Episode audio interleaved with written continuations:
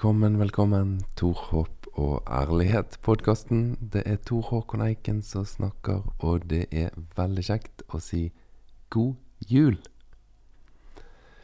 Julefreden har senket seg ganske mye. Det er tidlig om morgenen, og huset, eller leiligheten, er full. Det kan bli litt hundetassing, og det kan bli litt sånn tra eh, trakking inn gjennom rommet her, for nå er kontoret mitt blitt soverom. Vi har fått besøk av barn fra, fra Oslo, og ja, det er veldig godt. Det er noe godt med å komme hjem til jul, og så er det noe veldig godt å få folk hjem til jul. Julefeiringen har jo blitt en av de virkelig store høytidene for, for det norske folk. For hele det norske folk. Jeg så det at nå når det er koronarestriksjoner og det er færre plasser på julegudstjenesten, så var det mange steder at hele, alle gudstjenestene For kirken har satt opp mange gudstjenester. Alle julegudstjenestene de var full bare i løpet av noen få minutter. Så dette er en, eh, en høytid som har fått stor plass, men som har et veldig blandet innhold i de fleste familier og sammenhenger. Vi har, gjør det veldig ulikt. Det er ikke en sånn 'dette er jul, sånn skal julen være', og sånn har julen alltid vært. Den forandrer seg hele tiden. Men det er iallfall en stor høytid, og en høytid som jeg trives veldig, veldig, veldig godt med. Jeg nyter virkelig av disse dagene. Og da er det ekstra kjekt å levere en sånn sesongavslutning til deg. Og den kommer ut på selveste julaften. Håper du også har en god jul. Det er jo en uh, høytid som er veldig preget av dette med familie. Familie, og møte familien og samles med familien osv. Og det kan jo være utfordrende hvis du er i en situasjon der du ikke har så mye familie. Eller kanskje familierelasjonene er veldig vanskelige, sånn at du har lite kontakt med familien din, og kanskje det er veldig lenge siden du har sett familien din, og så skal du treffe familien, for det må du liksom, siden det er jul, nettopp jul. Så da ønsker jeg allikevel en, en god jul, så god som den kan bli. Håper at du klarer å nyte noen av dagene. Enten du er aleine eller sammen med mange, om du er sammen med mennesker du slapper av med, eller sammen med mennesker som du blir sliten av å være med. Kanskje en kombinasjon. Altså det å være sammen med masse slekt, det kan være krevende, det, for noen og enhver. Så riktig god jul, i hvert fall. Prøv å tenke at eh, det er ikke så viktig at din jul blir make som de andre sin jul, eller alle andre sin jul. For det alle andre sin jul er heller ikke make. Det er jo knapt to hjem som har make jul. Verken når det gjelder pynt eller tradisjoner, eller om det er sanger eller ikke sanger, eller om hva en bryr seg med, og hva en snakker om. Det vil nok være forskjellig fra leilighet til leilighet og hus til hus. Men en riktig god jul ønsker jeg deg uansett. Kanskje du skal jobbe til og med hele julen. Så riktig god jobb. Håper du kan nyte arbeidstiden i julen. Jeg må si litt om jul før vi går inn på det Du vet jo det at vi holder på med Forkynnerboken, og jeg tenker at det er en bok som passer godt å lese i nettopp julen. For dette er en rik person som er satt inn som hovedkarakter i denne boken. En rik person som har muligheter til alt mulig, men som kjenner på tomheten i rikdommen, og som da prøver å leve som fattig en stund og kjenner på tomheten i det, bortsett fra at han sier et sted at en slave kan legge seg rolig til å sove, for han har ikke så mye å bekymre seg for. Men det er iallfall en forfatter som tenker mye på problemer som vi nordmenn også kjenner på. Hvordan skal vi leve med vår rikdom, med vissheten om at andre har det vanskelig? Nå kommer jeg ikke til å lese alle kapitlene til deg, jeg har lest en god del, og du har anledning til å lese sjøl. For jeg begynner som prest den 3. januar i Fana kirke. Og jeg har begynt på opplæringen, og jeg har vært med i en del begravelser og lignende. Og jeg kjenner at jeg vil gjøre en god jobb som prest, og da er jeg nødt til å ta en pause fra podkasten. Men takk til deg som har fulgt og lyttet så lenge, og takk til alle dere som har støttet den økonomisk. Som sagt så syns jeg at du som har støttet podkasten økonomisk, må stanse den givningen, for det blir litt uetisk å ta imot støtte til et prosjekt som er på pause. Jeg skal legge til det at eh, podkast er noe av det kjekkeste jeg har gjort på lange tider. Så jeg håper jo på at det blir en eller annen løsning igjen, der jeg kan være med i en podkast, eller lage en podkast sammen med noen andre. Jeg tenker det er et godt format, en god anledning til å prate litt lenger prater, og til å gå litt dypere i tankene. Hvis du går tilbake og lytter til noen av episodene som har vært, så tør jeg, si at, jeg, tør jeg si at jeg er, jeg er faktisk stolt av en del. Det er mange gode tanker. Mange gode tanker, og stort sett er de hentet fra de gamle tekstene. Utfordringer og gleder og problemer som oppstår når du lever med de gamle tekstene. Julen er jo knyttet til en gammel tekst, og det er veldig sannsynlig at du kommer til å høre om et lite jødisk barn som ble født under fattige forhold. Tradisjonen sier at det var i en stall, noe som vi er veldig sikre på at det ikke var, men det er ikke så viktig. Men du kommer i hvert fall til å høre om et lite barn.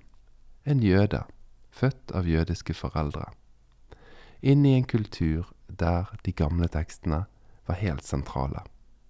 Det var det samtalen dreide seg om. Hvis du ser på alt som Jesus pratet om, alle spørsmål han bestilt, så kan de knyttes til de gamle tekstene. De gamle tekstene, de som vi har jobbet bitte litt med her i To råp og herlighet. Det var kjernen for Jesus sitt liv. I hele oppveksten. Helt sikkert. Det er så sikkert som du nesten kan få det. Og at han i sin ungdomstid har uh, møtt og vært del av ganske sånn tydelige religiøse miljøer som leitet og leitet og leitet og leitet etter hva er kjernen? Hva er kjernen i livet? Hva er kjernen i loven? Hva er kjernen i de gamle tekstene? Og det lenge før Jesus ble født, så hadde de funnet en kjerne som de holdt fast ved. Og det er litt interessant at vi er jo vant til å tenke at Jesus sa det at eh, du skal elske Herren din Gud av hele ditt hjerte, hele din sjel og all din forstand. Og du skal elske din neste som deg selv. Det er oppsummeringen av loven. Vi er jo vant til å tenke at det var det Jesus som sa. Akkurat som, akkurat som han fant det opp.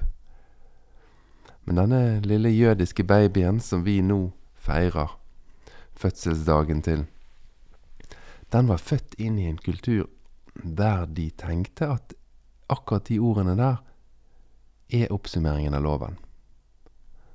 Og i et av evangeliene så er det gjengitt akkurat sånn. Det er ikke Jesus som sier det. Det er en skriftlærd, en advokat fra Jesus sin tid, som får spørsmål fra Jesus. Jesus spør hva er oppsummeringen av loven? Og så svarer denne skriftlærde, denne samtidige med Jesus. Nei, oppsummeringen av loven, det er jo det. Du skal elske den som bor i huset ved siden av deg, like høyt som du elsker deg sjøl. Og vi kjenner alle at det er faktisk en tilnærmet umulighet. Og det er ganske fascinerende hvor langt vi har flyttet den kristne religionen fra et lite barn, jødisk opphav, som bygger sitt liv opp rundt de hellige tekstene, og at oppsummeringen av de hellige tekstene er at du skal elske din neste som deg selv. Hvis du ser den kristne historien. Den arven vi har bygget etter han, handler jo veldig, veldig mye mer om makt. Mye mer om å bestemme hvem som ikke hører til. Hvem det ikke er plass til ved bordet. Og innholdet i eh, fortellingene om Jesus de har jo vi brukt til det ytterste til å undertrykke nettopp det folket som han tilhører. Det er jo helt utrolig. Og hvis du snakker med en som sier at 'jeg er kristen', og spør hva de tenker om Det gamle testamentet, så er faktisk sjansen ganske stor for at de vil si at nei, det er loven. Den gjelder ikke oss lenger. det er jo Du kan jo le, det er, men det er ganske rart når du tenker på denne babyen som ble født, og som bare dyrker de gamle tekstene i en så stor grad at nesten alt han sier, alt som er skrevet som sitater av han da, er sitater fra de gamle tekstene. Mens vi som er etterfølgere av han, har landet på at nei, de tekstene, de er ikke så viktige. De gjelder ikke oss lenger. Det er det gamle. Det er de dumme fariseerne, de dumme jødene. Det har liksom blitt våres arv. Eller det, det er den arven vi har bygget etter dette jødiske barnet som vi nå feirer. Ja, dette syns jeg er veldig fascinerende. Og, og ganske irriterende av og til, da. Tenk at dette barnet som ble født, han ble født blant et lite folk som var undertrykt av datidens supermakt. Men i dag så er verdens største supermakt De benytter seg av de hellige tekstene når de skal gå i krig. Det er jo helt vanvittig. Sånn at nå er arven av Jesus det er en stor militær makt som de gangene de siterer de gamle tekstene som Jesus bygget sitt liv på, ja, da er det kanskje i en krigssituasjon, eller i en situasjon der en kjemper for våpenlover. Vi må ha rett til å bære våpen og skyte folk. Altså, det er veldig snodig, og det klarer ikke jeg å la være å tenke på når det er jul. Det er bare herlighet. Hva tenker Jesus om kristendommen? Han var jo aldri en kristen. Ikke i det hele tatt. sant? Han var jøde hele veien. Og han formidlet jødiske tanker og en kultur av å elske sin neste som seg selv. Og han fremmet fred, og han fremmet ikke vold. Og han fremmet det å dele. Hjelpe meg. Ja, det er litt av en jule, juleandakt som kommer her nå, da. Men det går jo ikke an å ikke kommentere dette, for det, det er nesten for sprøtt til å være sant. Tenk at arven etter Jesus har handlet så mye om hvem vi skal ta. Hvem vi skal stenge ute. Hvem vi ikke vil være med. Uh. Ja, det er snodig. Helt utrolig snodig. Men de gamle tekstene sier oss mye klokt fremdeles. Og når jeg nå leser Forkynnerboken, og vi har lest Forkynnerboken i noen episoder, så kjenner jeg at ja, det er bra å minnes hva kultur disse folkene utviklet. Og som jeg har sagt før, det er ikke sånn at det er de beste kulturene som nødvendigvis får makt. Det, det, er absolutt ikke sånn. Vi tenker jo veldig fort sånn at de som har suksess, de som er rike, det er de som er de beste. Det er de som er de beste folkene, det er de som har den beste kulturen. Se på oss i Norge, vi er så rike og vellykket, så da må det være noe bra med oss. Vi kan eksportere vår godhet til resten av verden. Og så ser det ut for at vi glemmer at vi har vår rikdom fordi at andre er fattige. Vi har den på deres regning men det er vi som har han. Så når vi nå leser Forkynnerboken, og nå har jeg bestemt meg for at vi leser kapittel 11 og kapittel 12, de to siste kapitlene i boken i dag, og så blir det sesongavslutning, sånn at jeg kan forsøke å gjøre en god jobb som prest i Fana kirke. Kapittel 11 begynner sånn, med en overskrift som er satt inn. Del det du har. Kast ditt brød på vannet for med tiden vil du finne det igjen. Del det du har, med sju eller åtte, for du vet ikke hva slags ulykker som kan hende på jorden. Vær sjenerøs, for du vet ikke hva som kommer til å skje. Når skyene blir fulle av regn, øser de det utover jorden.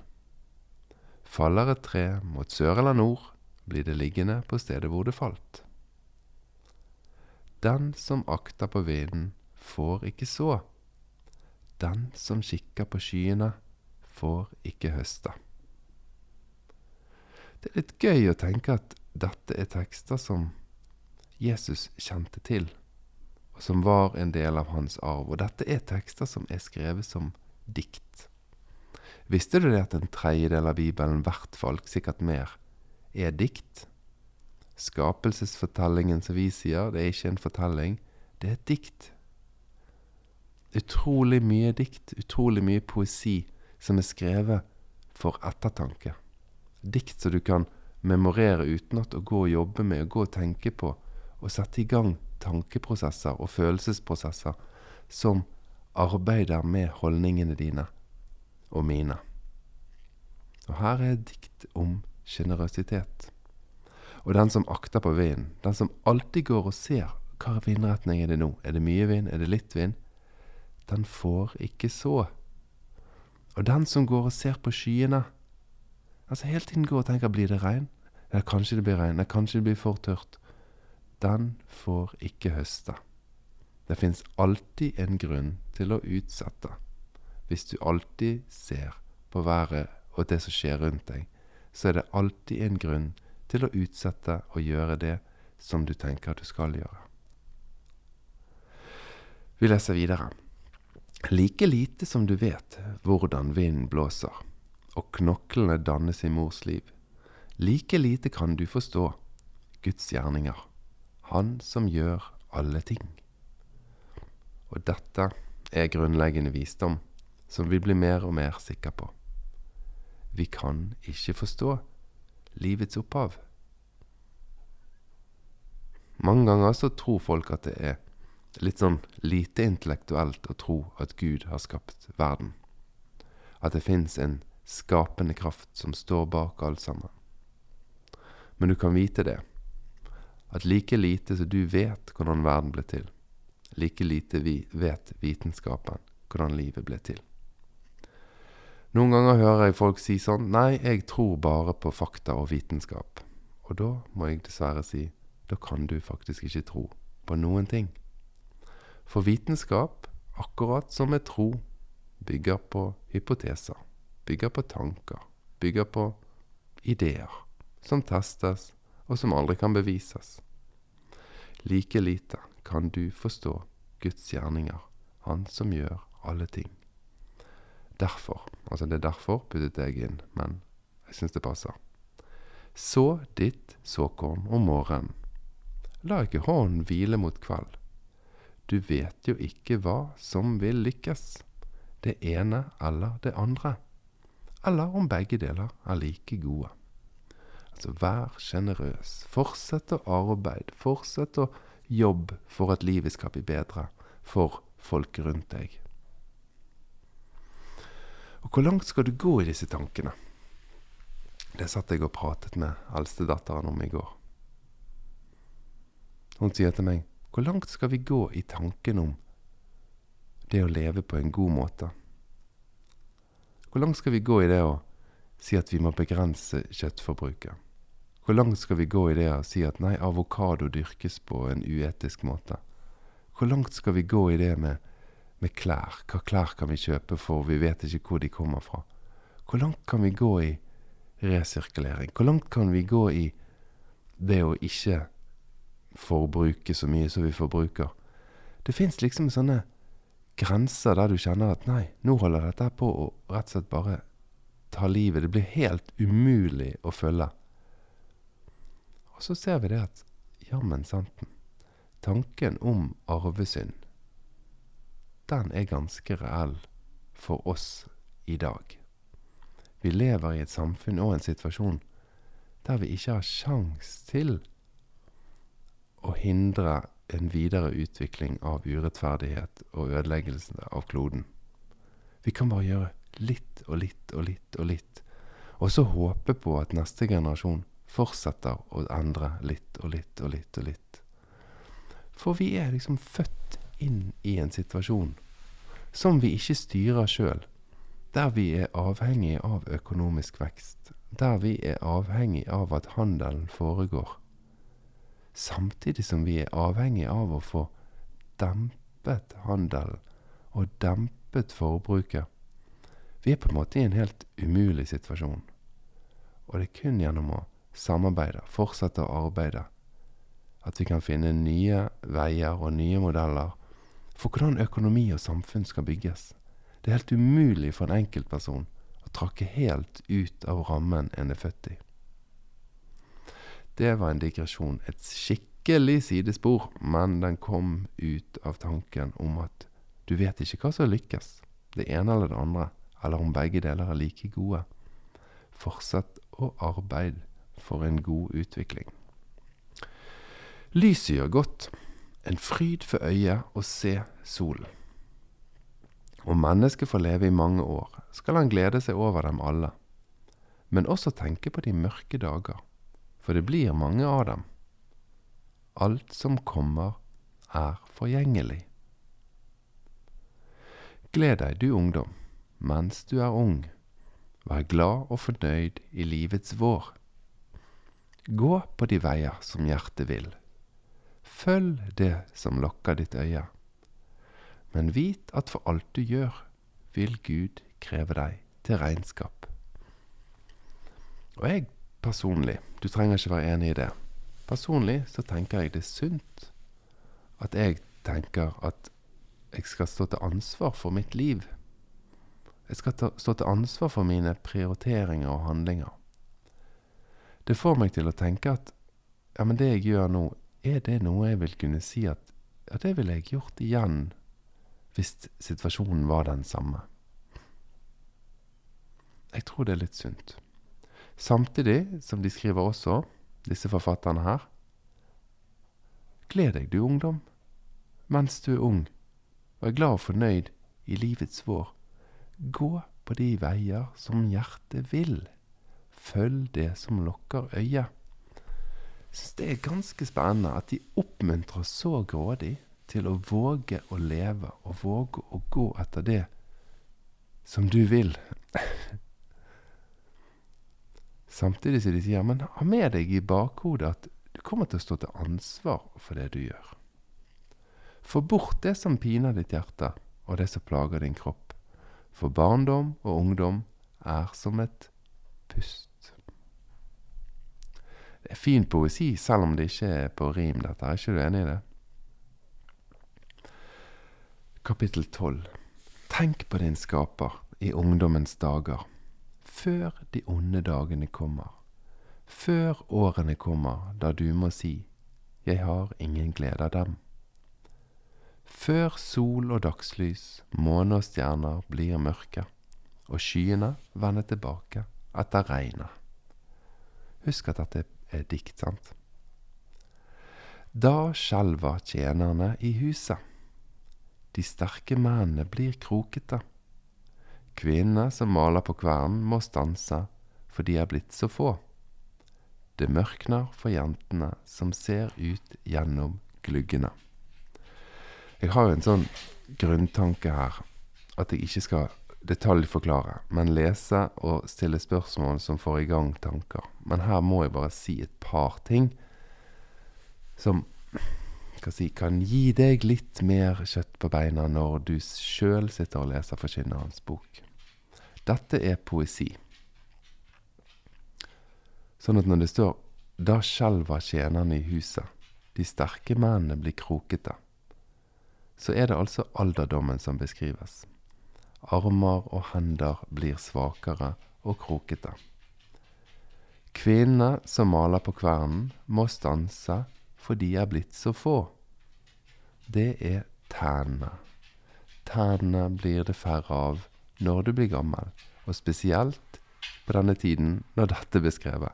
Nå har jo vi et helt annet tannhelsesystem, men dette er altså beskrivelse av alderdom for de fleste.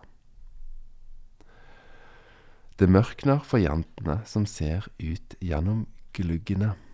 Og med det som jeg nettopp har sagt, så skjønner du hvilke glugger det om, snakkes om som det mørkner hos. Begge dørene mot gaten blir stengt, og duren fra kvernen lyder dempet. En står opp til fuglekvitter, men alle sangenes døtre stilner. Da gruer en seg for hver bakke og farer som lurer på veien. Mandeltreet blomstrer. Gresshoppen sleper seg fram, og kapasfrukten brister, mens mennesket går til sin siste bolig. De som skal gråte, er alt på gaten. Ja, tenk på din skaper, før sølvsnoren slites og gullskålen brister, før krukken knuses ved kilden og hjulet knekker og faller i brønnen.